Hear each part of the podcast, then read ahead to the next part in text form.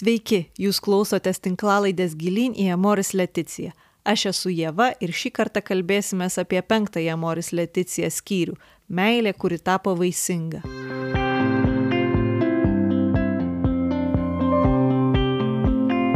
Meilė visada dovanoja gyvybę. Taip prasideda penktasis Amoris Leticija skyrius, kurį aptarsiu net su dviem pašnekovais. Pirmoje skyriaus dalyje aptariama, ką reiškia priimti naują gyvybę, kuri visada yra dovana ir niekada negali būti laikoma našta ar klaida. Toliau išplėtojamos mintys apie neštumą, kur pabaigoje popiežius ragina kiekvieną neščią moterį neprarasti vidinio motinystės džiaugsmo. Toliau aptariama nepamainoma tėvo ir motinos meilė bei vaisingumas platesnė prasme, atkreipiamas dėmesys į negalinčius susilaukti biologinių vaikų, bet dovanojančius save per įsivaikinimą ar socialinę veiklą. Antroje skyriaus dalyje kalbama apie gyvenimą platesnėje šeimoje, ką reiškia aukti tarp brolių ir sesių, palaikyti bendrystę su platesne giminė, bei kuo vertingas ir kaip ugdyti santykių su senyvais žmonėmis. Apie pirmąją skyriaus dalį kalbuosi su penkių vaikų mama ir Kreitono modelio vaisingumo pažinimo sistemos mokytoja Ingrida Vosaitytė. Pradžia šitos skyriaus prasideda nuo to, kaip yra svarbu priimti naują gyvybę. E, ne tik apie gyvybės pradėjimą, bet apie priėmimą jau pradėtos gyvybės kalbama. Ir iš tiesų šiom dienom išgyvenam labai daug iššūkių priimdami naują gyvybę noriu klausti pirmiausia apie tai, kaip priimti e, kūdikį, kaip ugdytis tokią nuostatą visuomet, bet kokiu atveju priimti naują gyvybę.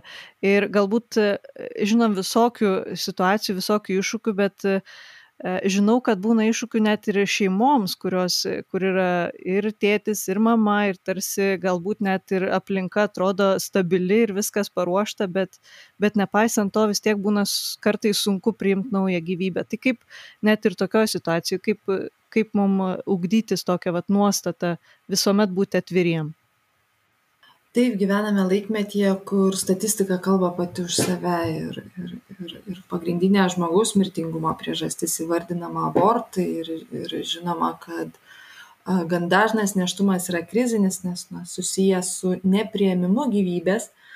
Antra vertus pradžios knygoje pirmajam skyriuje e, liepia žmogui būti vaisingu ir daugintis. Ir tarsi mumyse yra įrašytas tas e, troškimas norėti vaikų dalyvauti bendradarbiaujant su Dievu, kurti gyvybę ir atrodo, nu, galėtų būti jau ir lengva čia mums priimti tą gyvybę. Bet šią nuostatą ugdyti šiame pasaulyje iš ties nėra lengva. Ir galvoju, jeigu šeima turi savo kažkokį tai, na, vert, kažkokią vertybių sistemą, vis tiek į kažką tai šeima tai kreipia, tarėsi, tai gal galima poroje ir aptarti tuos klausimus, kas yra mums gyvybė, kaip mes matome savo vaikus, galima apkalbėti ir nu, pasaulio siūlomas išeitis, nu, va, abortą, kontracepciją, kodėl mums tai priimtina, kodėl nepriimtina, galvoti, ar tai yra geriausia mūsų santokai, kaip mes svajojame, kad mes kurtumėm savo santyki, savo šeimą, ant kokių pamatų statytumėm. Ir galvoju, kad žmonės, nu, tame tarp ir aš su vyru, mes, nu, atpažįstame natūraliai, kas yra vertinga ko mes norėtumėm, ko nenorėtumėm. Ir kai mes atpažįstame, kas nu, vat, mums vertinga, priimtina, svarbu, natūraliai norisi saugoti tuos dalykus. Nes, nu, vat, supranta žmogus, kad vertingi dalykai turi būti saugomi. Aš galvoju, kad čia labai svarbus ir pokalbis pačiam su savimi, kas man yra gyvybė ir kas yra man vaikai, ir pokalbis poroje. Aišku, ir pokalbis su Dievu išgirsti, kokį planą tu mum matai. Ir jeigu suprantam, kad man kyla iššūkių su prieimimu, ar, ar vat, suvokimu, kad vat, dabar gali atkeliauti vaikelis, ar kyla didžiulių baimių lauktis, būti neščiai, lauktis poroje, tai irgi galime bandyti rasti atsakymų, kas kelia man baimę, ar pats vaikas kaip asmuo, ar visgi su tuo, nu, vat, kažkokie kiti dalykai. Na, tai yra augimas greičiausiai ir jeigu žmogus kelia klausimą kas trukdo pamatyti šią dievo dovaną nu atsakymas anksčiau ar vėliau ateina antra vertus e, kalbant apie priėmimą naujos gyvybės popiežius Pranciškusgi primena ir Jono Pauliaus antrojo įspėjimą, kad turime būti atsakingi tėvai. Ir krikščionys šiaip negimdo vaikų vardan gimdymo e, ar vardan skaičiaus. Nu, bažnyčia mus kviečia ir veda, kad na, mes turime būti atsakingi tėvai, įvertinti savo E, galimybes tiek fizinę sveikatą, tiek psichologinę sveikatą, tiek socialinius įsipareigojimus ar ten finansinius galėjimus. Ir jeigu, nu, vat, suprantam, kad šiuo metu yra, nu, tos nepageidautinos aplinkybės, nes vaikai, na, jie neatsiranda vien tik tai vienas kitą pasižiūrėjus, ar galų gale pasibučiaus, vaikai atsiranda lytiniu keliu, nepumpuravimuose keliu jeigu mes suprantam, nu, vat, kad esame šitose nepageidaujamose aplinkybėse, kad nu, vat, yra rimta priežastis, tai bažnyčia sako, kad na, mes galime e, planuoti ir reguliuoti gimimų skaičių, pasitelkiant natūralius šeimos planavimo metodus. Tai jie yra grįsti laikinai susilaikymais ir grįsti moters vaisingumo pažinimu. Na man ir pačiai šeimoje ir stebint kitas šeimas, nepaslaptis mes, nu, kadangi apie tai su vyru šnekam, tai mes į santoką, santoką e, kūrėme jau nugyvenę kurį laiką kartu ir turėdami vaikų ir turėdami gilę kontracepcijos patirtį ir laiką, kada labai aiškiai pritarėm, ką siūlo pasaulis, tai abortam ir taip toliau. Kai pradėjom po truputį jau įsileisti bažnyčią į savo gyvenimą ir po truputį ėjom tai žingsniais, kad vat, norime gyventi tikėjimu, norime gilintis ir nuolankiai priimti bažnyčios mokymą. Tai keliaujant natūralaus šeimos planavimo metodų keliu, e, pradėjau matyti, nu, vat, visų pirma, tai pradėjau matyti save, aš pradėjau save matyti kaip moterį.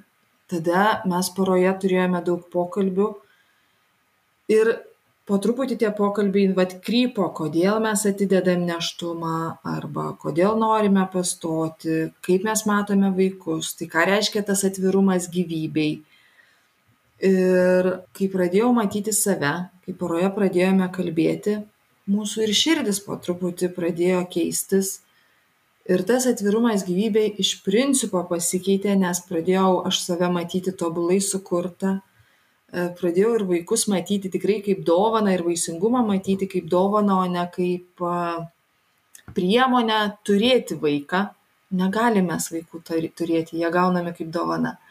Ir kai persikeitė tas santykis iš to matymo, kad na, mes esame individai atliekantis funkcijas į matymą, kad na, mes visgi dovanos ir ne bet kokios, o mylimos iš meilės ir meiliai, tai tokiu būdu ir tikrai pasikeitė na, priėmimas to vaikelio ir atvirumas gyvybei iš principo. Nepageidaujamos aplinkybės, nu, šeimoje visada gali surasti įvairių nepageidaujamų situacijų ir, nu, greičiausiai visą, laik, visą laiką viskas, nu, nebus taip, kad visą laiką viskas yra gerai. Tai tada vaikelį pradedi matyti kaip galimybę. Galimybę galbūt įsigyti naują automobilį, nes į seną netelpam galimybę kaip gal dar vieną nu vat pajamų šaltinį atrasti nes nu panašu vat šitoj situacijoj yra taip. Arba galimybę nu vat kaip paprašyti pagalbos iš išorės nes mes tikrai esame nu sudėtingoj situacijoj ir ir mum reikėtų pagalbos iš išorės.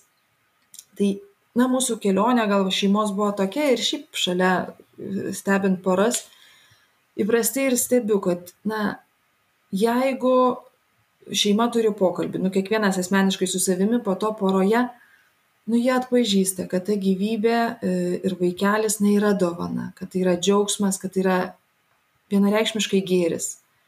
Ir tada, nu, va, jeigu pavyksta susiformuoti tą nuostatą, kad vaikai yra dovana, aukščiausias santokos apdovanojimas, tai ir su prieimimu yra kur kas paprasčiau. Bet jeigu tik tai panyrame į šiuolaikinio pasaulio primetamus dalykus, kad neplanuotas neštumas, nenorėtas, rizikingas, dar kokie ten e, įvardinimai, tai tada pradedi nematyti to vaiko nutaurumo, kilnumo ir su juo pradedi elgtis kaip su daiktu, kas yra labai labai pavojinga. Su žmogumi nederėtų jokių elgtis kaip su daiktu, o priimti jį kaip dovaną. Kalbėjote apie visuomenės primetame šio laikinį požiūrį į, į žmogų ir į vaikus. E, norėčiau šiek tiek pasikalbėti ir apie šio laikinę motinystę. Ir tikrai irgi yra tam tikri primetami požiūriai, kaip reikia, kokia yra motinystė. Iš vienos pusės, pavyzdžiui, būti tik mama ir, ir nedirbti jokio darbo yra jau, nu, tu tik mama. O jeigu turi darbą būdama mama, tai tada, o kur tavo vaikai, kaip čia kas čia juos prižiūri. Tai tarsi du kraštutinumai, ar įmanoma suderinti ir, ir buvimą mama, ir, ir kažkokią saviraišką ar darbą, ir bendrai, kaip, kaip atrodo šio laikinė motinystė Nu, žinai, ar aš galiu atsakyti, kaip atrodo šio laikinė motinystė, jau tokia jaučiuosi pabuvusi mama kurį laiką ir išgyvenusi įvairius etapus. Mama tapau anksti, nu, šio laiko standartais tapau 21 metų e, mama ir, ir įkritau į tą motinystę, į visišką motinystės burbulą, nes aš nieko nežinojau. Ir tame laike, nors gal dar studijavau, taip, studijų ne, nemečiau, studijavau, E, bet tame laike nu neturėjau tikrai jokios galimybės na galvoti apie kažkokius tai platesnius nu savo kaip moters vandenis nes nu man motinystė buvo naujiena be patirties pirmus devynis metus per tą laiką mes susilaukėm trijų vaikų aš prabuvau namuose e, visiškai mama mama nes nu, pirmas sūnus po to dukra tai vat naujos patirtys skirtingos lytys ir auginant trečią dukrą e, viduje nu pradėjau tokį išgyventi kad nu brač skaitau tą pačią knygutę sakau kad čia šuniukas au au au ir tą darau trečią kartą ir manęs jau neveža man jau baigėsi visi džiaugsmai ir aš tuos devynis metus nu labai didžiavausi savo motinyste galėjimu būti su vaikais ta tomis sąlygomis ir kaip suprantu nu vat prie šiuolaikinės motinystės standartų nu vat buvau ta tiktai tik mama bet tą laiką skyriau uh, dalykam, kurie mane domino, kas susijęs su vaikais. Jų auginimu, sveikata, ugdymu. Kai jau supratau, kad, nu, nemažai žinau, tai su sekančiais vaikais įsivardinau, kad aš jau esu profesionali mama ir galiu, e, galiu ieškoti, nu, vat, kažkokių platesnių vandenų. Dėl to laukiantis ketvirto vaiko ir su penktu vaiku aš labai panirau ir į tos savirealizacijos ir darbinių klausimų sprendimą. Tai tarkim, penktą vaikelį mes pasigimdėm ketvirtadienį, šeštadienį aš jau dirbau pilnai. Bet tai tikrai aš galvoju, kad nu, šitas E, dalykas netiktų, kai tu esi pirmą kartą mama. Nu, tai man būtų nu, pačiai turbūt nelabai įmanoma nu, taip su, su, gal, su, nu, padaryti.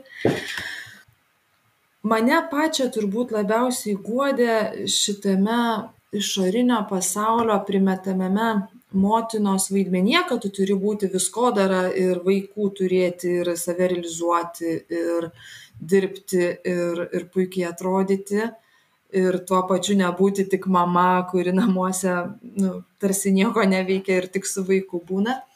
Tai man, e, man labai visą laiką guodė, kad ir tai praeis. Kad mano vaikai tokie yra nuribota, labai ribota laiką.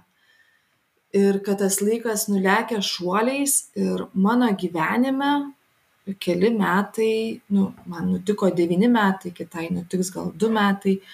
Mano gyvenime jie iš principo E, mano profesinėj srity, savirealizacijos srity, nu, labai nesugroja didelio kažkokio dalyko neigiamo, bet jeigu tame laike vaikas neturės mamos, e, tai yra pamatas.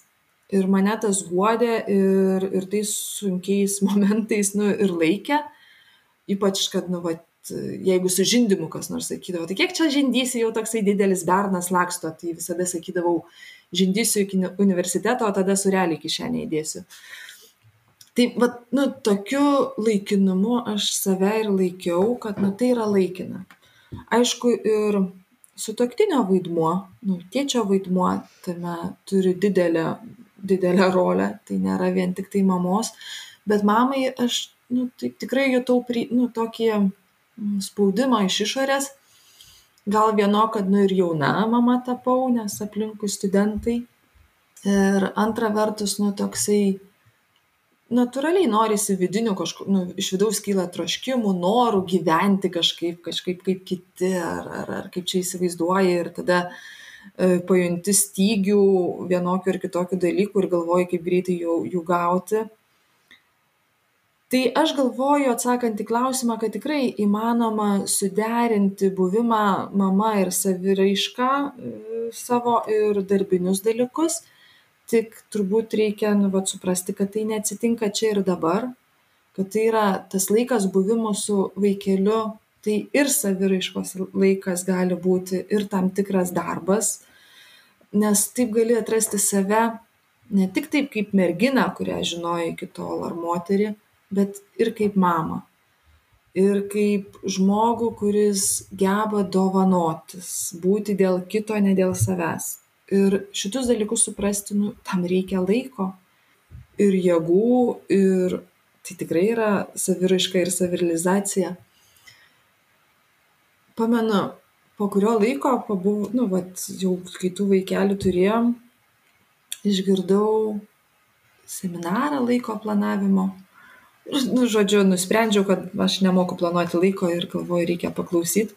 Klausau, klausau, klausau, klausau ir sakau, kiek jūs vaikų turit? Sako, neturiu vaikų a galvoju tai va kodėl aš tavęs nesuprantu visai nes kai turi vaikų tai labai daug kursų į tavo gyvenime ateina įgalinimo kursai laiko planavimo kursai pasiaukojimo kursai ir visokie nu e, tai motinystės laikas irgi nu vat kaip mes į jį žiūrėsime kaip ir į tą vaikelį. Ar kaip į galimybę kad aš galiu aukti ir save išbandyti ne tai kad išbandyti bet nu gyventi e, tomis aplinkybėmis ir save pažinti naujose kloduose, ar pradėsiu aš tą motinystę matyti kaip kažką tokio, kas iš manęs kažką atima, nepripildo, o atima.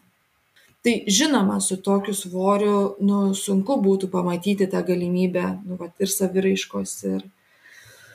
Tai vaikai netima, vaikai atneša daugybę dalykų, ir įgalina ir jie iš principo perkeičia labai, nu, tos patirtis nu, su kiekvienu vaiku persikeiti. Ir galų gale uh, galima pasiekti tą stadiją, kur, nu, va, pasakysiu, jau žinau, kaip žindyti, kaip sauskelnes keisti, žinau, rūbai, kas su kuo derinama, žinau, kaip čia mėgo ritmą greitai susitvarkyti irgi žinau. Ir labai daug dalykų atkrenta ir, ir tada, kuo daugiau vaikų turi, tuo daugiau laisvų rankų atsiranda. Užsiminiai šiek tiek apie tėvo vaidmenį e, ir koks jis yra svarbus. Ir dokumentas kalba apie tai, kad iš tiesų yra išgyvenama tėvystės krizė. Net ne tik tėvystės, bet ir vyriškumo krizė. Net įvardina, kad mūsų visuomenė yra betėvė visuomenė. Kaip Ingrida, ar, ar matot tokią krizę iš esmės savo aplinkoje ar, ir kaip mes galim keisti šitą požiūrį tokį?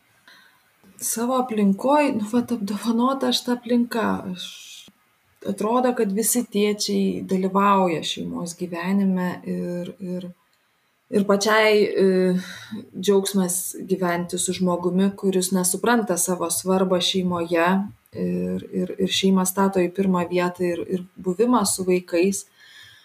Bet mes su vyru užaugome kitokiose šeimose. Labiau gal matyčiau uh, nu vat kad mes kaip karta atėję esame su iš, iš, iš visuomenės, kuri galbūt na, buvo betėvė. Ir yra tame dideli padariniai. Antra vertus, na, ir dabar pasaulis labai primeta, nu, ne tik tai moterim, bet ir vyram, kad tu turi išlaikyti, nu, ir tuo pačiu ir išlaikyti šeimą, ir būti sėkmingas, ir produktyvus, ir efektyvus, ir, ir, ir visoks ten us. E, ir neretai vyrai, nu, pagauti to, kad, nu, va, aš galiu siekti iššūkių, galiu siekti savo tikslų, e, šeima tarsi palieka kaip savaime suprantamą dalyką, nu ir išplaukia į tuos išorinius vandenius e, savirilizacijos išoriai. Kaip galime mes tą keisti, nu, vat, Vienas tai irgi turbūt vertybių pamatas, nu, kas yra man šeima, nes jeigu aš šeimos nestatau į pirmą vietą, tai arba santokos nestatau į pirmą vietą, tai koks, nu, vat, mano tikslas, kodėl aš turiu vesti moterį. Arba gali vyrai matyti, kad šeima gali būti jų iššūkis. Būk geriausias ir, ir, ir visoks ten sėkmingiausias ir pačiausias šeimoje. Šeimos vyras, šeimos tėvas vyriškumo etalonas galų gale savo dukrai, savo sūnui, žmonai. Vyrai irgi gali, nu, vat, matyti, kad ir šeimoje e, gali siekti įvairių dalykų. Mes, kai auginome, kai gimė pirmagimis ir, ir, ir bandėme kažkaip jau čia gyventi, e, tai vyras dirbo, jeigu neklystu, keturiuose darbuose ir būdavo kas ketvirtą parą jisai mum namuose pasimojuodavo, nu ir vėl, vėl dingdavo. Tai pradžia buvo tokia, nes nu, ten jau buvo mum iš principo išgyvenimo klausimas. Na ir kai susilaukėme antrojo vaikelio, pamenu tą labai gerai vaizdą, kad vyras stovi tarp duryje, žiūri į dukrą ir braukia ašaras. Rūkas yra sako žinok aš nemačiau kaip sūnus užaugo. Ir dabar jaučiuosi kad vat nu vejuosi nuvažiuojant į traukinį bet panašu aš aš spėsiu į jį įlipti. Nu vat vyras turi turbūt daryti irgi apsisprendimą kad šeima tai tas traukinys na kuris važiuoja. Vaikai auga ir vaikam nu vat reikalingi tie tėvai. Ir ar aš lipu į tą traukinį ar aš nelipu. Ir jeigu lipu tai nu vat aš ir važiuoju tame traukinyje ir važiuoji ne šiaip kaip vat nu draugelis su kuriuo šiaip bajerius paskaldyt galima bet važiuoji nu kaip atsakingas žmogus kuris rūpinasi nu vat to traukinio keleiviais. Aš iš tiesų išgyvenu šito klausimo apie tėvystę tokį nušvitimą, kad kai žiūriu, kaip mano vyras žaidžia su sunumis ir ta prasme, kad santykis ne tik tėvo, bet ir motinos su vaikais yra apsisprendimas. Toks kartais yra jausmas, kad tai savaime suprantama, auginu vaikus ir jie visada mane mylės, aš visada juos mylėsiu. Tai gal, gal ir mylės, bet santykio turėjimas ir neturėjimas iš tiesų priklauso nuo mūsų ir priklauso nuo apsisprendimo. Ir, ir taip man irgi labai džiugina, kai matau, kad mano vyras apsisprendžia turėti santykių su vaikais, ne tik, kad kaip savaime suprantama, aš jų tėtis. Taip, taip, nu, ne, ne kvapas reikalingas. Ir, nu, kas augina mus kaip šeima, kas, nu, vat, arba jeigu galvojame apie, apie, nu, vat, tėvus ar ne, nu, santykius, tai mes, nu, ir kalbame apie bendras patirtis. Dažniausiai ir tada, nu, va, tos patirtis, nu, tą santykį mes galime gerą turėti iš gerų patirčių. Ir nu taip tie tėvai yra ir vaikai įprastai bent jau gimimo liudijime būna parašyta kas tėtis kas mama bet tai santykio nekuria. Ir svarbu tos patirtys ir kaip sakai ieva tai yra apsisprendimas nu vat kad aš tą laiką skirsiu Mes kalbamės apie tėvystę ir motinystę, bet nepaslaptis, kad yra daug sutoktinių, kurie negali susilaukti vaikų arba susiduria su e, dideliais iššūkiais vaisingume. Ir žinau, kad e, jūs dirbat su šitom šeimom ir, ir nemažai su juom bendraujat. Noriu šiek paklausti, kokiais, su kokiais iššūkiais šitos poros dažniausiai susiduria ir ir kaip galbūt taip vis svarstau, kaip, kaip mums padėti joms išgyventi vaisingumą savo, net ir neauginant biologinių vaikų. Aha, e, pradėjau kalbėti šiandien, kad e, tarsi pradžios knygoje mums liepiama būti vaisingais ir daugintis ir kad na, mums yra tas troškimas norėti vaikų, e, būti tarpininkais, bendradarbiaujant su Dievu, kad kurtumėm gyvybę bet visgi nepaisant šito palaiminimo toj pačioj biblijoj yra daugybė nevaisingų porų. Tai daugelis moterų kurios yra minimos jos vėliau pastoja tačiau yra kitų biblijos moterų kurios lieka nevaisingos visą gyvenimą. Tai ta realybė niekur nedingsta jinai yra tokia ir šiandien. Ir ir lietuvoje jinai tokia yra. Ir žinoma kad po įvairaus gydymo visgi kas antra neva nevaisinga pora taip ir lieka nesusilaukusi savo biologinių vaikų. Kad ir kokias pastangas jie dėtų. Yra dar šeimų, kurios, nu, jos mediciniškai nevaisingos, bet jos nesikreipia tiesiog pagalbos, gydimo neieško, apie jas iš viso mes nieko nežinom. Tai, kaip minėjai, dirbu e, srityje, kur nevaisingumas labai arti, konsultuoju poras ir neretai prie savo darbo stalo išgirstu, kad nu, poros sako, mus Dievas tai baudžia. Nedoda vaikų, nes nu, vat, kažkokių nuodėmių prisidarėm anksčiau, nu, iki santokos arba net iš išorės girdžiu kad nu vat išorė kalba kad nu va čia jie nu kažką darė ten kontraceptikus vartojo. Arba ten nu va turėjo tris vyrus ar keturis ar ar ar nu dar kokios prisigalvoja tai žodžiu dėl to vaikų neturi tai trumpas atsakymas ne dievas nebaudžia. Dievas yra mylintis. Sutuoktinių nevaisingumu tikrai nebaudžia. Dar žmonės išgyvena nu vat gėdą kaltę nusivylimo jausmą.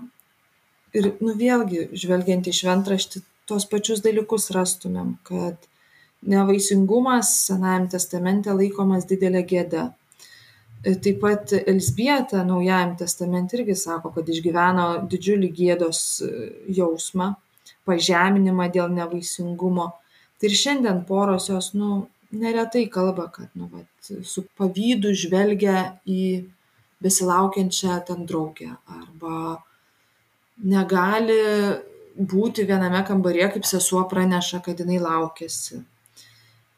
Arba vat, nu, net nutrūksta bendravimas su draugais, kurie turi vaikų, nes nu, vat, jie išgyvena tą visų pirma ir pavydą, ir kaltę, ir o jeigu dar iš išorės ateina iš artimiausių žmonių kad kada turėsite vaikų nereikia taip ilgai laukti nenaudokit kontracepcijos.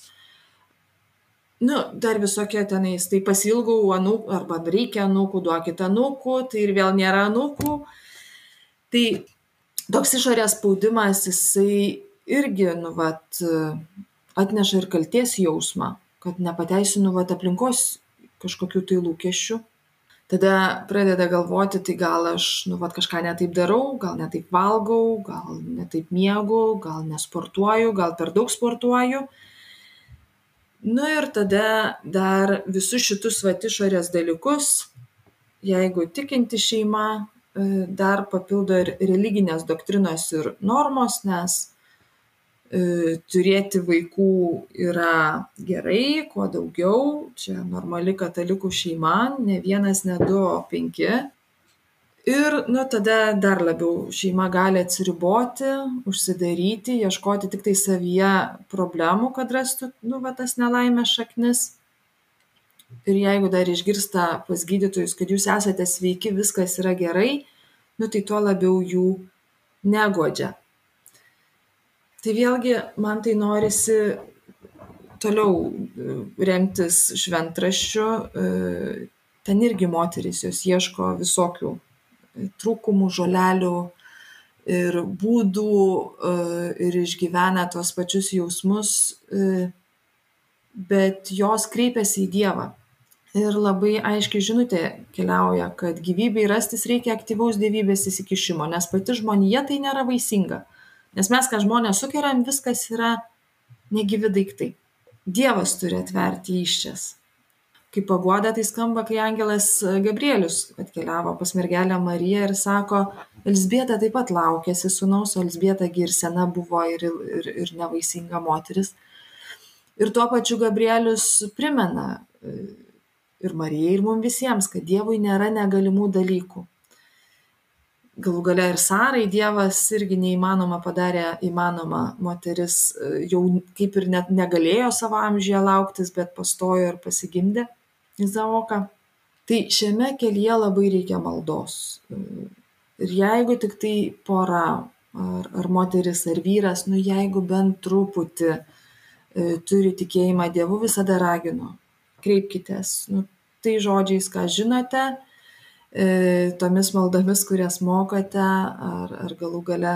Tai malda gali būti sunki praktika nevaisingumo kelyje, bet visgi maldos praktika yra labai svarbi. Ir gali atrodyti, kad Dievas tyli, bet nu, jisai klauso jūsų tikrai ir laiko netgi apglėbę savo rankose. Kad ir kokius klausimus ar jausmus Dievo atžvilgių puoselėjate, tai būkite atviri. Dievas gebės ir tai priimti, kad ir ką jūs jam bejaustumėte. Ir šitame kelyje būna atpažįsta poros gal savo, nu, vat, ir nuodėmingus veiksmus, nu, kaip minėjau, tą kilantį pyktį, pavydą. Tai, nu, galima prašyti viešpatės, kad perkeistų mūsų širdis. Galime prašyti, nu, kad duotų atleidimą, naudoti sakramentais, eiti melstis prie švenčiausiojo sakramento. Ir visos šitos praktikos, nu, greičiausiai čia ir dabar nepakeis nevaisingumo, bet visgi buvimas kartu su Kristumi gali palengvinti nevaisingumo kryžių. Ir, ir galų gale ne tik, kad jį ir palengvinti nešti, bet visų pirma priimti šitą kryžių poros kai keliauja nevaisingumo keliu jos dairosi to stebuklo kūdikio jos ieško šito stebuklo. Bet esminis stebuklas šito šitos visos kelionės tai yra nu va to paties žmogaus transformacija. Nu šiuo atveju sakyčiau tapti vis labiau tikinčiu krikščioniu. Pamenu vienos poros liudijimą sako ingrida žinai šita patirtis visa buvo jie vaikelio laukė nu apie penkis metus. Tiksliai dabar skaičiaus nepasakysiu. Ir ir ir gydymo ta kelionė jinai truko pusantrų metų ir tikrai pareikalavo ir ir ir valios ir tikėjimo ir vilties. Tos moters e, atsiliepimas buvo kad nu vat visas šitas kelias nevaisingumo kelias buvo mum kaip kas nors imtų sulaužytų mums stuburą ir mes po, po, po šipuliuką turėjom susidėlioti atgal. Tai man labai tai skausmingai nuskambėjo, nes, nu, įsivaizduoju, kad stuburo susilaužimas ir tada bet, vėl savęs susidėliojimas tikrai transformacija yra žmogaus. Tai normalu trokšti ir melstį viešpatės, kad paimtų nevaisingumo kryžių ir atsiųstų į šeimą vaikelį, tačiau a, labai svarbu prisiminti Jėzaus mokymą, kad tai nebūna, te būna ne mano, bet tavo valia. Tai verta šitame kelyje irgi pagalvoti, ar mano valia nėra didesnė už Dievo. Ir Dievas na mus ugdo, e, kad mes būtumėm myli, mylintis, džiaugsmingi, taikus, kantrus, malonus, geri, ištikimi, ramus. Tai gal šitas kelias mane ugdo, kad būtent šiti dvasios vaisiai manyje ir auktų tai tos poros kurios na eina nevaisingumo keliu e, su tikėjimu. Bandydamos įžvelgti toje kančioje prasmę nes jeigu gyvenimas prasmingas tai ir kančia yra prasminga. Tai tos poros liudija kad stebuklai pradeda vykti iki pastojimo. Kad mano nevaisingumas pradeda gyti iki pastojimo antra vertus kai su porom kalbu ir joms sakau kad nevaisingumas gali būti irgi galimybė ir dovana tai jie kabutėse taip susijaudina kaip ir maždaug išgirsdami kad atsipalaiduokite ir pastokite arba įsivaikinkite ir pradėsite pavyzdžiui netrukus lauktis ir iš išorės tikrai irgi tokių būna patarimų kad išvažiuokit į kelionę ar nu vat kaip sakau įsivaikinkite ar nu dar kažkokių tai nederėtų kito asmens naudoti kaip priemonės savo tikslam pasiekti tai įsivaikinti tam kad pastoti iš viso būtų negerai. O jeigu atsipalaidavimas jeigu tiktai pastojimui reikėtų atsipalaidavimo tai aš visą laiką sakau masažistai gydytų nevaisingumą o ne medikai. Jeigu jau pora yra pakviesta į šitokią patirtį ir kelionę nevaisingumo greičiausiai jie yra ir pakviesti augti ir kantrybėje prisiminti kad ne viskas atsitinka taip ir tada kada mes norime. Bet paguoda yra tai kad viskas išeina į gera mylintiems dievą tai kreiptis nu vat į viešpatį ir su klausimu nu vat o o o ko kaip mes galim išgyventi vaisingumą?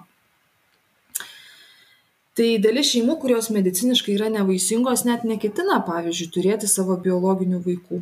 Nes sako mes pajutom pašaukimą nu tarkim vat minėtai kad norim įsivaikinti. Yra sąmoningai apsisprendžiančių porų neturėti biologinio įsivaikinti vaikelius. Arba sako, mes esame pašaukti socialiniai veiklai ir, ir, ir pora, šeima, neturėdami biologinių vaikų, vykdo socialinės veiklas ar savanoriauja ir sako, jeigu mes, nu, jeigu mes negalėjom duoti šaknų kažkokiem tai žmonėm, bet mes galime suteikti savo buvimu šalia šitiems žmonėms sparnus, gydyti juos besąlyginę meilę, tuo pačiu vis labiau atrasti save artimo meilės darbuose. Antra vertus, nu, dabar galėtumėm pajokauti, sakyti, pats Jėzus Kristus augo su įtėviu. Šiandien juk sakytumėm, kad Juozapas Jėzų įsivaikino. Tai vaikai, taip, jie kiekvienos santokoje gyvenančios poros teisėtas lūkestis, bet nėra teisė turėti. Vaikai yra dovana, tai nėra kažkokia tai teisė, kurią mes galime pasiimti bet vaikai nėra vienintelis santuokos tikslas arba uždavinys. Ir du žmonės, jie į neatskiriamą vienybę santokoje pirmiausia kviečia savitarpio papildomumas. Tai kito pažinimas ir asmens vertės pajūtimas. Ir toks troškimas, e, nu, vat, pažinti e, save, pažinti kitą, jį papildyti, jį papildyti ir pasipildyti kitų e, Tai, nu, va, tai yra santokos pagrindinis uždavinys. Aišku, toks troškimas e, natūraliai mus nuveda į mintis, kad nu, mes, mes galėtumėm pažadinti gyvybę, va, taip vienas kitą tiek pripildyti, kad gimtų nauja gyvybė. Bet ir be gyvybės vyras ir moteris, nat, vyras ir moteris natūraliai papildo vienas kitą ir padeda abipusiškai atsiskleisti tai kai tuokiamės nu mes visgi nežinom kokia ta situacija bus su vaikais ir gimdymas nėra būtinas santuokos tikslas sakramentas duoda teisę susilaukti palikuonių bet neuždeda šios pareigos. Ir neturint savų vaikų santuoka lieka tikra ir gali būti dvasiškai vaisinga. Tai šis vaisių, vaisingumas pasireiškia pagalba ir meilė kitiems žmonėms užsiminėt apie socialinę veiklą. Norėčiau klausti ir apie šeimas, kurios augina vaikus. Ir Amoris Leticija kalba, kad svarbu šeimoms neužsisklęsti savyje, e, nepasistatyti savo tvirtovės ir, ir mums dabar jau nieko nereikia. Bet, bet taip pat būti atviriems mąstau apie svetingumo reikšmingumą, bet lygiai taip pat tiesiog apie savanorystę, apie e, įsitraukimą į socialinę veiklą, e, visuomeninę veiklą. Ir jūs turit penkis vaikus. Ar, ar įmanoma, auginant penkis vaikus, dar, dar kažkur įsitraukti, dar kažkur išeiti iš savo namų? Tai žinai, jeigu tie vaikai gimtų penki vienu metu, tai turbūt kurį laiką būtų labai sunku kažką tai daryti bet mūsų atveju jie gimė kas 3-5 metus. Tai mes su vyru juokiamės, realiai tai turim vieną vaiką, kuriuo turime rūpintis. Likę jau pirmi trys, tai jie pilnaverčiai šeimos nariai ir pilnai yra atsakingi už būti, kas reiškia, kad mes su vyru turime daug papildomo laiko, nes daugybės namų darbų mes nedarome, nes jie yra deleguoti mūsų vyresniems vaikams. E, tai šeima turbūt išgyvena visokius etapus ir, ir, ir tikrai reikia ir tokio viduj, nu, va, susigaudimo, pabuvimo tik su šeima, kokios, nu, va, kokios mūsų ribos, kokios taisyklės, kaip čia mes gyvenamės. Ir pamenu, vat mes kai atėjome į bažnyčią, mes tikrai viduje bandėm išgyventi tą tikėjimą, rasti maldos laiką, uh, sugebėti išsiruošti į sekmadienio šventas mišes, e, kelti, nu, vat, sakramentų, e, išpažinties, pavyzdžiui, praktikavimo klausimą ir mes, nu, va, tą labai viduje išgyvenom ir išorės mes atsisakėm. Atsisakėm daugybės dalykų, bet po kurio laiko mes pajutom, kad mums reikia bendruomenės. Ir pradėjome melstis draugų, tai kai davė, maža nepasirodė ir tada pabuvus bendruomenėj e, pajutus e, bendruomenės palaikymą priėmimą e, natūraliai prisipildėm mes meilės iš, iš išorės ir tada nu jau jinai pradėjo tiek verštis kad pradėjom norėti duoti. Ir natūraliai eiga turbūt viskas mūsų šeimoje ir susiklostė kad pradėjom dairytis į savanorystes kur mes dar nu kur galėtumėm kur galėtumėm dalinti su savo patirtimi ir aišku žvelg, žvelgti į tas šeimas, kurios galbūt vat, gyvena taip, kaip mes gyvenam ten prieš penkmetį kokį.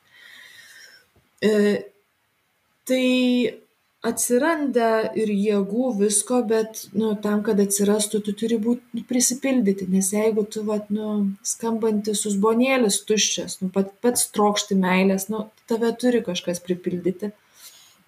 Tai aš įsivaizduoju, kad, nu, vat, įvairiai e, šeimos tą pripildymą gauna, bet čia ir mūsų va tos e, šeimos, kurios sako, jau mes, nu, viskas gerai, mes čia puikiai gyvenam, puikiai mums sekasi, ir jeigu mes esame uždari ir neatiduodam į išorę nu vat dovanų kur nu nesidalinam nu tai stovintis vanduo jisai ilgai tas vat gerai kvepiantis ir gražus nebūna. Jisai pradeda gliaumyti ir nu vat išskleisti netinkamą kvapą. Tai čia yra tam tikras pavojus užsistovėti šeimoje ir sakyti kad mes čia tokie patys sau faini ir mum nieko netrūksta. Tai jau yra perspėjimas turbūt. Ir mes kaip, nu, kiekvienas kaip žmogus ir, ir kaip šeima, tai, nu, vad stovėti mums neina vietoje. Mes arba galime aukti Dievo, o Dievo meilė tai yra ir artimo meilė, arba galime bildėti žemyn. Tai ten dar vienas koksai sakytų link bežionės, arba ten, kur skausmas ir dantų grėžimas čia nu popiežius mum e, jisai ragina kad mes neužsisklęstumėm ar ne? Ir ir kad mūsų irgi yra pareiga palikti savo pėdsakus visuomenėj kurioj gyvename matyti aplinką pasirūpinti savo artimu.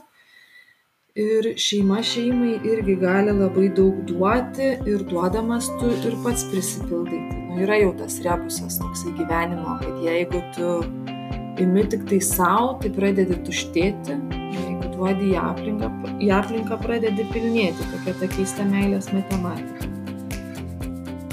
Tęsėme pokalbį apie penktąją Moris Leticija skyrių - meilė, kuri tapo vaisinga. Apie antrąją skyriaus dalį, kurioje aptariamas gyvenimas platesnėje šeimoje, kalbu su kunigu Vincentu Lizdeniu.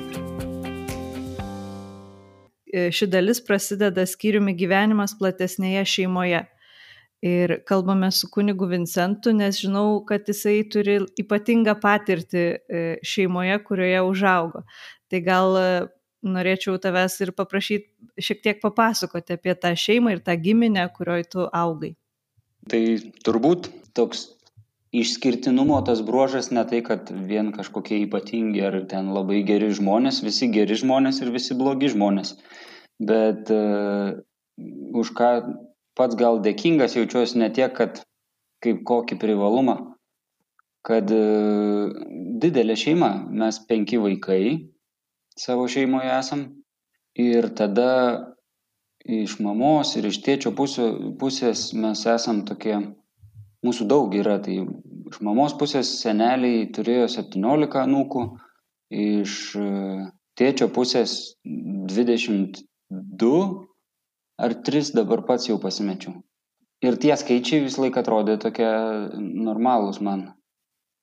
Tai suprantu, kad mes ten pabaigoje gal dar kalbėsim apie, apie tai, ka, kaip aš tai išgyvenu, bet, bet tas daugumas toks yra tokia aplinkybė, kurioje augau ir didelė šeima, ir aplinkui dar didelės šeimas mačiau. Ir tas atrodo, gal tokį galima būtų pasakyti, kad tai atrodė labai natūralu labai natūralu net nekyla kažkoks klausimas, kad taip, taip yra ir taip gali būti ir taip yra gerai. Tiesiog užaugau to šeimoje, gal reiktų pasakyti, kad jinai tikinti. Tėvai abu tikintys ir gal viena tokia detalė svarbi, kad, kad vis tik tais, nu kaip pasakyti, nebuvo, kad jie nieko nedarytų, jie liudijo mums tikėjimą, įmokino ir, ir kaip visus vaikus, kad reikia kažkam paskatinti, paraginti ir taip visko nepaliksi tik tais savo eiga bet kartu tai nebuvo kažkoks spaudimas bent jau aš išgyvenu tikrai broliai sesės gali kiekvienas savo patirtį skirtingai papasakot bet aš niekad neišgyvenau iš tėvų tokio kažkokio tiesioginio spaudimo tikėjimui išgyventi, vat, kad būtinai čia eik ir būk tikintis, eik į bažnyčią. Tai va tokios aplinkybės, kad mes, kad esam ta šeima, bet ypatingai buvom šeima, sakau, kai sakau, kad turėjom laiką tokį, kur mes visi kartu ir būdavom visada. Visi augom, kol čia kažkas pradėjo eiti studijuoti ir tas, tas laikas toks labai svarbus gyvenime. Ir ta aplinkybė tokia daug ką, daug ką nupaišo tam tikrom spalvom. O ar jūsų tais 17 ir 22 ar 3 anūkais, ta visa plačia giminė, ar jūs turit santyki, bendravot ir bendrauja dabar? Iš tikrųjų, tas ypatingai, kol buvo gyvi seneliai, e, tai dar aktyviau. Ir aišku, nu, mes jaunesni, tas normalus turbūt procesas yra kartų keitimosi, kada kol mes būnam dar tokie vaikai, studentai, tai mes dažniau susirenkam pas savo tėvus ir mūsų tėvai susitinka su savo broliais sesėm, tai yra jau mūsų dėdėm, tėtom ir mes dažniau susitinkam. Kai atsiranda jau mūsų gyvenimo keliai, kunigystė, šeima, vėl kažkaip mažėja tie susirinkimai labiau aplink, aplink tėvus, bet reikia pasakyti, kad tikrai turim gerą ryšį, turim keletą tokių momentų, kur, kur sus, susitinkam, bet ir ir kažkaip palaikom tą ryšį visai ir yra taip e, tikrai nemažai pusbrolių ar pusėserių, kur, kur patys inicijuoja kartais tokį ar paskambinti, arba kad ir dar toks įdomus dalykas, kažkaip ta bazė tokia, matyt, nuo vaikystės yra, kad net jeigu ir ilgą laiką nesusisieki, tas ryšys kažkaip jaučiasi.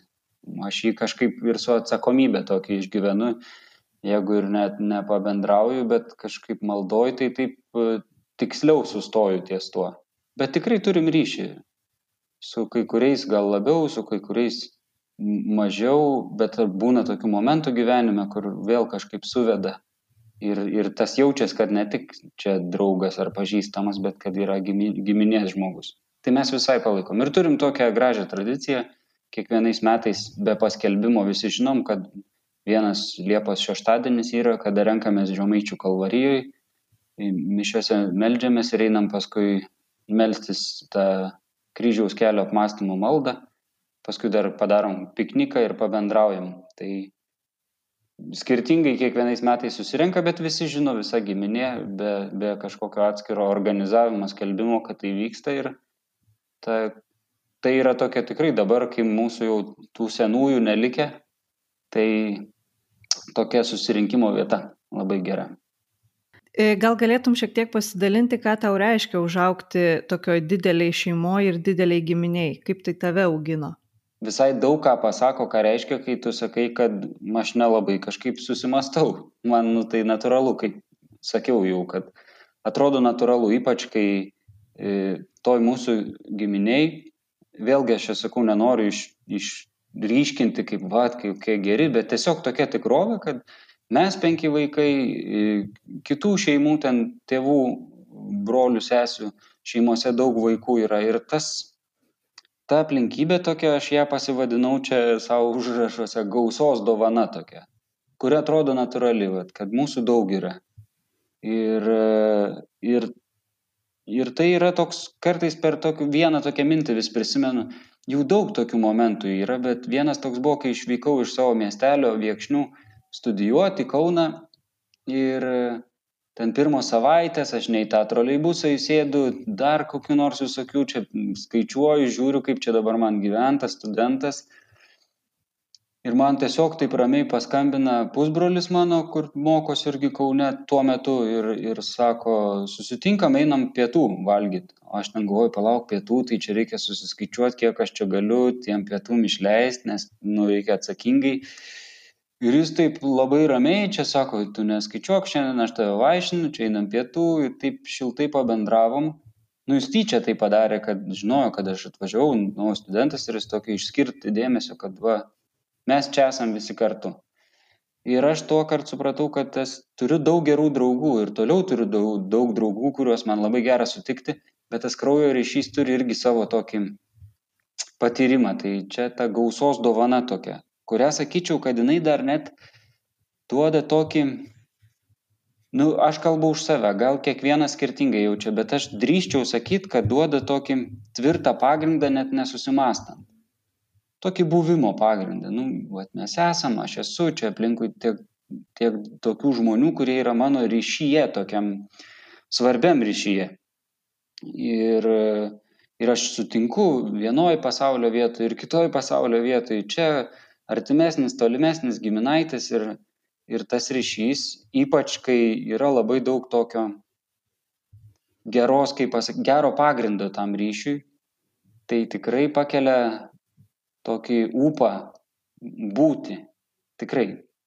Ir, ir tvirtą pagrindą tokį. Bet sakau, nebūtinai sąmoningai tu apie tai galvoju, bet man atrodo, aš turiu tokį įtarimą, kad ta gausa e, suteikia tokį, vat, mūsų yra. Ir kai aš, jeigu aš pradedu galvoti, kad man sunku būti, aš vis tiek turiu su kuo būti.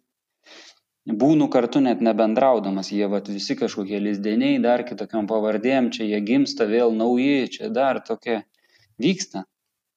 Tada dar vienas dalykas, ką reiškia man ar augimas didelėje šeimoje ir giminėje, kai tai yra tikėjimo malonės nemažai gavusi šeima ir, ir priemusi.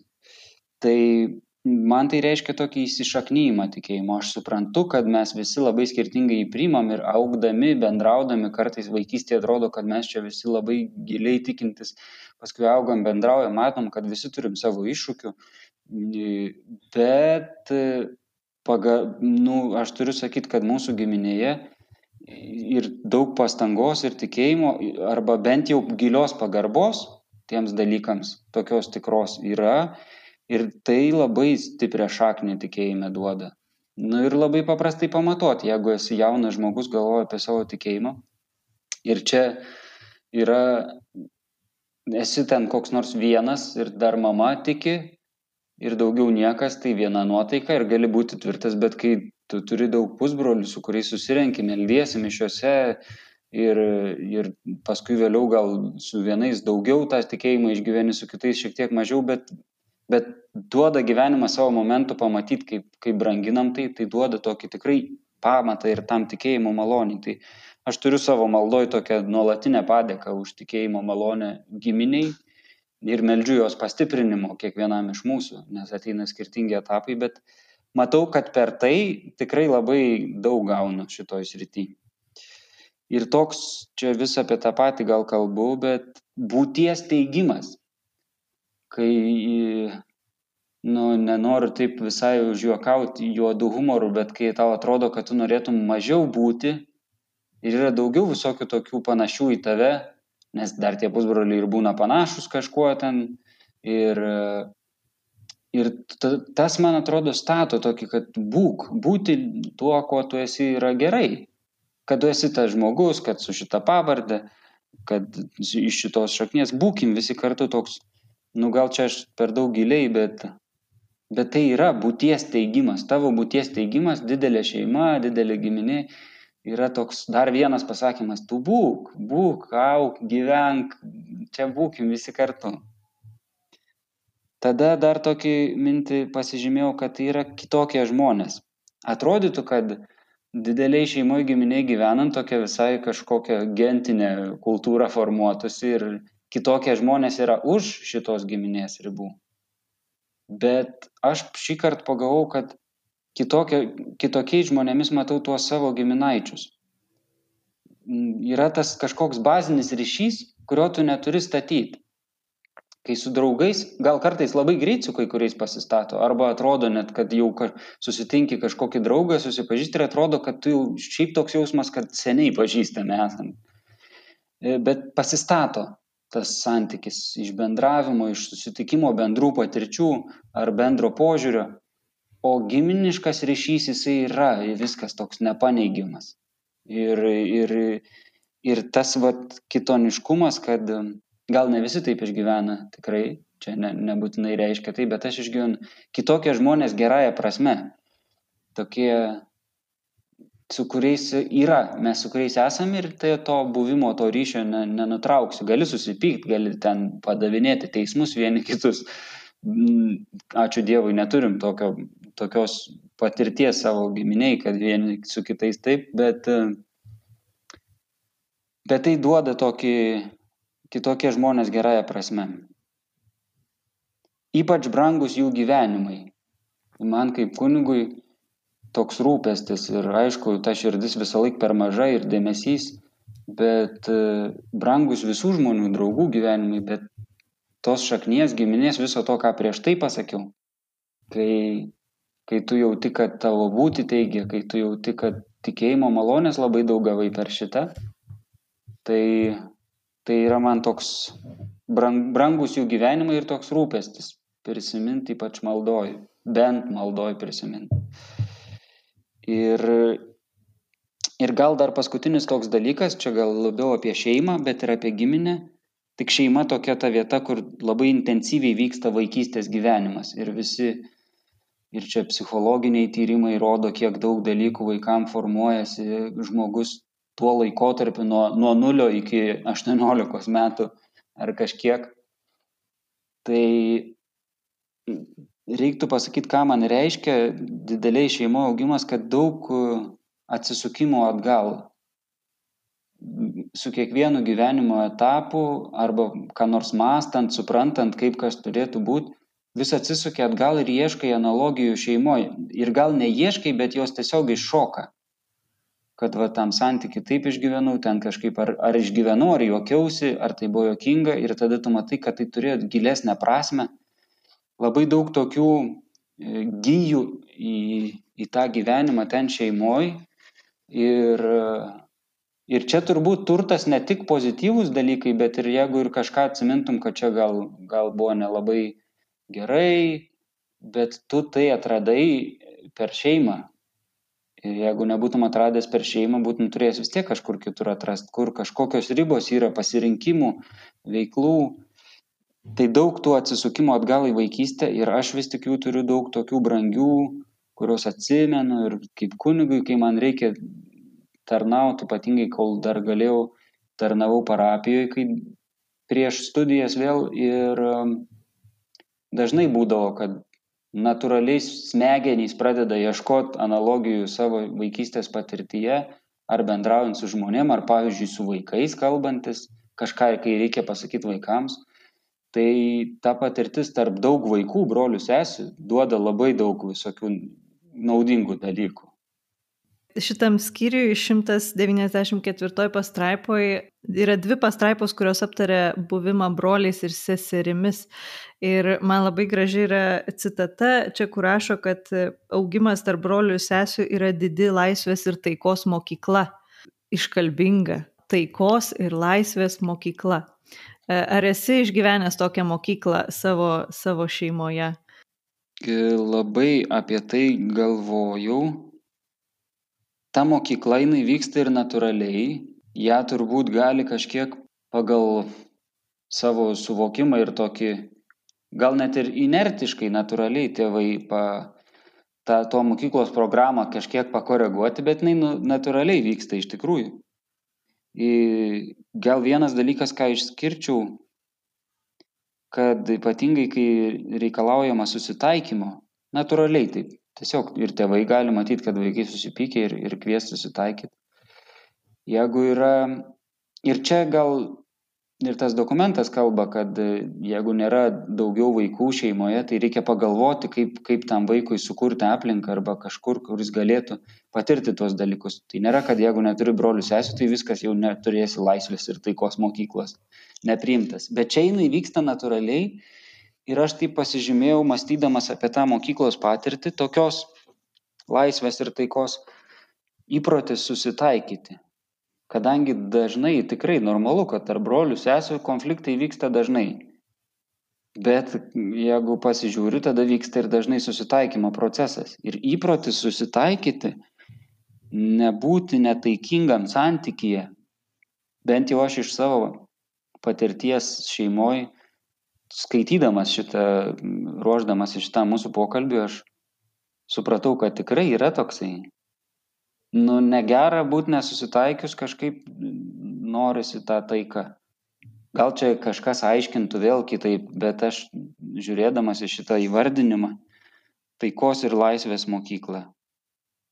Gal labiau į tą taikos atsižvelgiau, bet bet laisvė irgi jinai auga su tokiais visokiais išbandymais, tuo tokiu intensyviu santykiu su kitais broliais sesėm, su susitaikymais visokiais atrandi, kur, kur iš tiesų laisvė ir ypatingai per tiesos patirtį, kad tu turi susitaikyti reiškia ateiti į tiesą santykyje.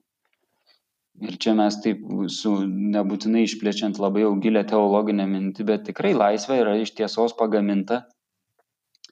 Ir tas įgūdis, jeigu jisai susiformuoja, tai labai, labai jau didelė tokia, ta mokykla gerai pabaigti yra. Nepaslaptis, kad vaikų, brolių, sesių santykiai stipriai formuoja ir tėvų elgesys su jais ir, ir kažkokie paskatinimai ar, ar bendravimas. E, kaip padėti tėvam ugdyti tokią brolių ir sesių bendrystę? Bandžiau aš mąstydamas apie šitą klausimą, taip irgi nusikelt atgal į, į, į praeitį, į tą vaikystės ypatingai laiką. Ir aš jau nežinau, ar aš gerai atsimenu, bet bet vienok atrodo kad daug gyvenimo vyko tokio nu to vat susitaikymo ir ten tų santykių sprendimų. Daug jo vyko tik tarp mūsų vaikų. Ir man atrodo kad tėvų pagalba šitam vyksmui yra kad jie nustato tam tikrą kultūrą kokia turi būti. Nu tokia mes vat toli toleruojam turi būti tokia va. Turi būt susitaikyta turi būt prisipažinta ir iš vienos pusės tu nustatai bet kartu palieki tiem vaikam pilną atsakomybę irgi reiškia tą kultūrą įgyvendinti. Kartais reikia palaukti turėti kantrybės kad jie patys tarpusavy kažkaip išsispręstų. Ir gal čia jau visai logiška ateina išvada kad jie galėtų patirti tą brolystę. Jau gryną tokią. Jau nebe per nebe tėvų tik apsaugota prižiūrima, bet, bet jie patiria iki galo vat, atsakomybę, susitaikinti, susitarti. Ir aš čia pasižymėjau tokią mintį, gal prižiūrėti darybių gyvenimą tokį. E, kad ir tas nėra taip sunku, atrodo, tai čia reikia kažką taip labai sugalvoti, bet įsivardinus darybės, matyti, kad jas irgi įvardinti vaikam ir leisti jiems jas kažkaip ugdytis, tartis, vienas kitą kritikuoti, susitarti, bet ta bazė, kurią nustato tėvai, kad turit susitaikę ten būti, o kaip jūs susitaikysit, nu, pabandykit patys, jau kai paskui nebegalit, jau prasideda ten smurtas artimoje aplinkoje tarp brolių ir sesių, tada kažkaip vyksta įsikiša didysis teisėjas, reiškia arbitras, tėvai. Dar noriu paliesti vieną temą, šiek tiek e, nukrypstant nuo to, apie ką kalbėjom iki šiol. E, šitas skyrius nemažai kalba apie santykius su senyvai žmonėmis. Labai gilus man pasirodė šitas skyrius, toksai iškalbingas ir net e, tam tikrą prasme sugėdinantis. Aš save priskiriu prie jaunosios kartos, nors auginu jaunąją kartą, bet vis tiek sugėdinantis mūsų jaunąją kartą. Tai noriu šiek tiek pasikalbėti apie tos nekantrumo mentalitetą ir mūsų požiūrį į senatvę ir gal mano pagrindinis klausimas yra, kaip jį keisti.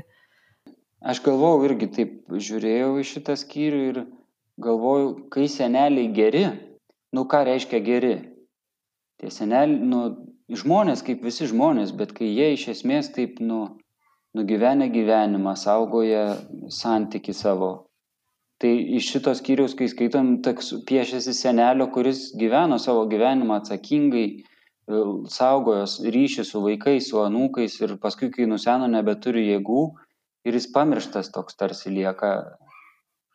Bet man kažkaip vis nežinau kodėl bet į galvą dar ateidavo bet taigi yra ir sudėtingesnių istorijų. Ir atsakant į šitą klausimą negalima jų užmiršt. Ne tik turėt prieš akis mielą sene senelį kuris paliktas blogų jaunuolių, bet ir senelis su kažkokiu gal sudėtingu santykiu, sudėtinga gyvenimo istorija, e, kur reikia daug atleisti gal, kad atsirastų tas ryšys. Toks, toks turėjimas prieš akis ir tokios varianto lyg ir praturtintų šitą atsakymą. Nors visa tai, kas čia parašyta, čia nesako, kad nu, mes vien tik už tai, kad geri čia turim senus žmonės, tiesiog atkreipti jos dėmesį. Ir čia tas klausimas, kaip e, keisti, man pirmą į galvą mintis atėjo ir čia pasižymėjau net, kad pažiūrėti į senus žmonės ilgiau, pakontempliuoti, netgi toks žodis čia gal tiesiog mąst, įsimastyti, įsižiūrėti, va gal dar taip reiktų sakyti. E, nes negaliu pasakyti, kaip ten ankstesnėse kultūrose, bet galim įtarti su tiek, kiek mano žinių, kažkoks tyrinėtojas gal daugiau galėtų kompetitingai pasakyti, bet, bet mes tikrai mažiau truputį juos žiūrim, gyvenimo kultūra keičiasi tokia, kad galima atskirai gyventi.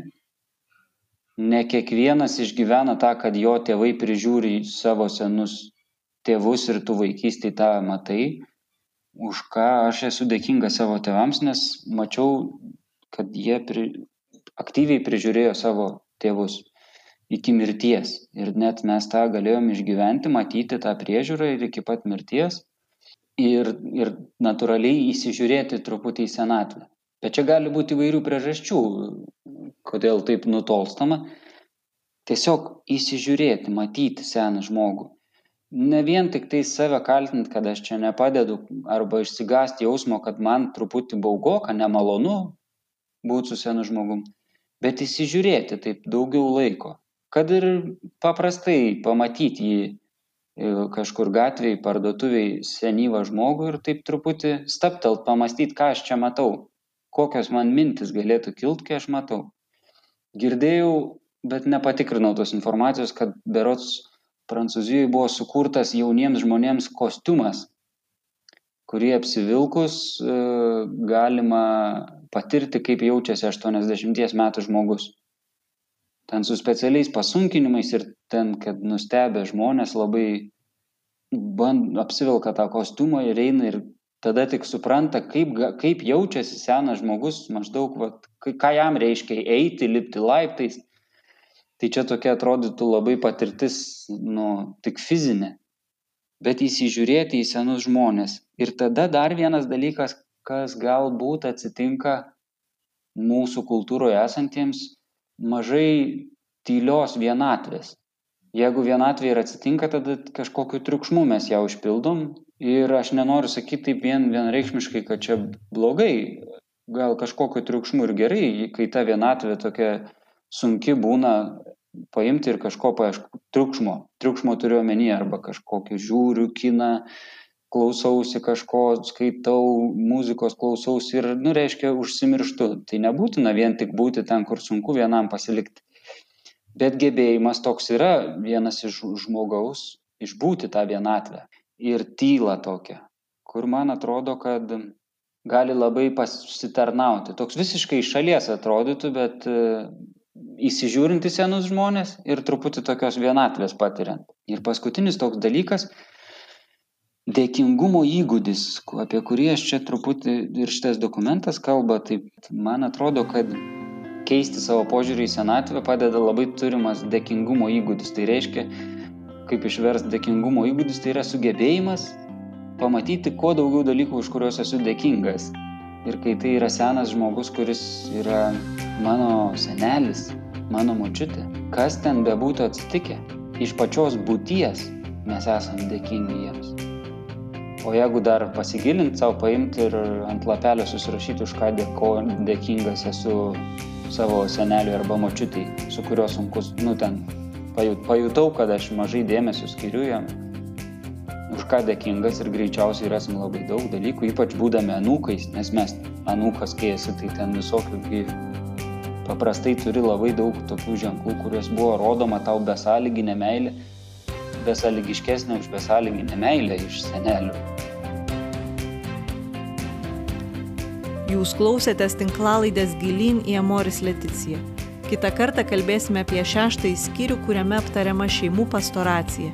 Mintimis dalinsis Kaišėdorių viskupijos šeimos centro vadovė Judita Bernatoninė bei Kretingos parapijos šeimos centro koordinatorė Katechetė Aušra Misgirienė. Garbė Jėzui Kristui.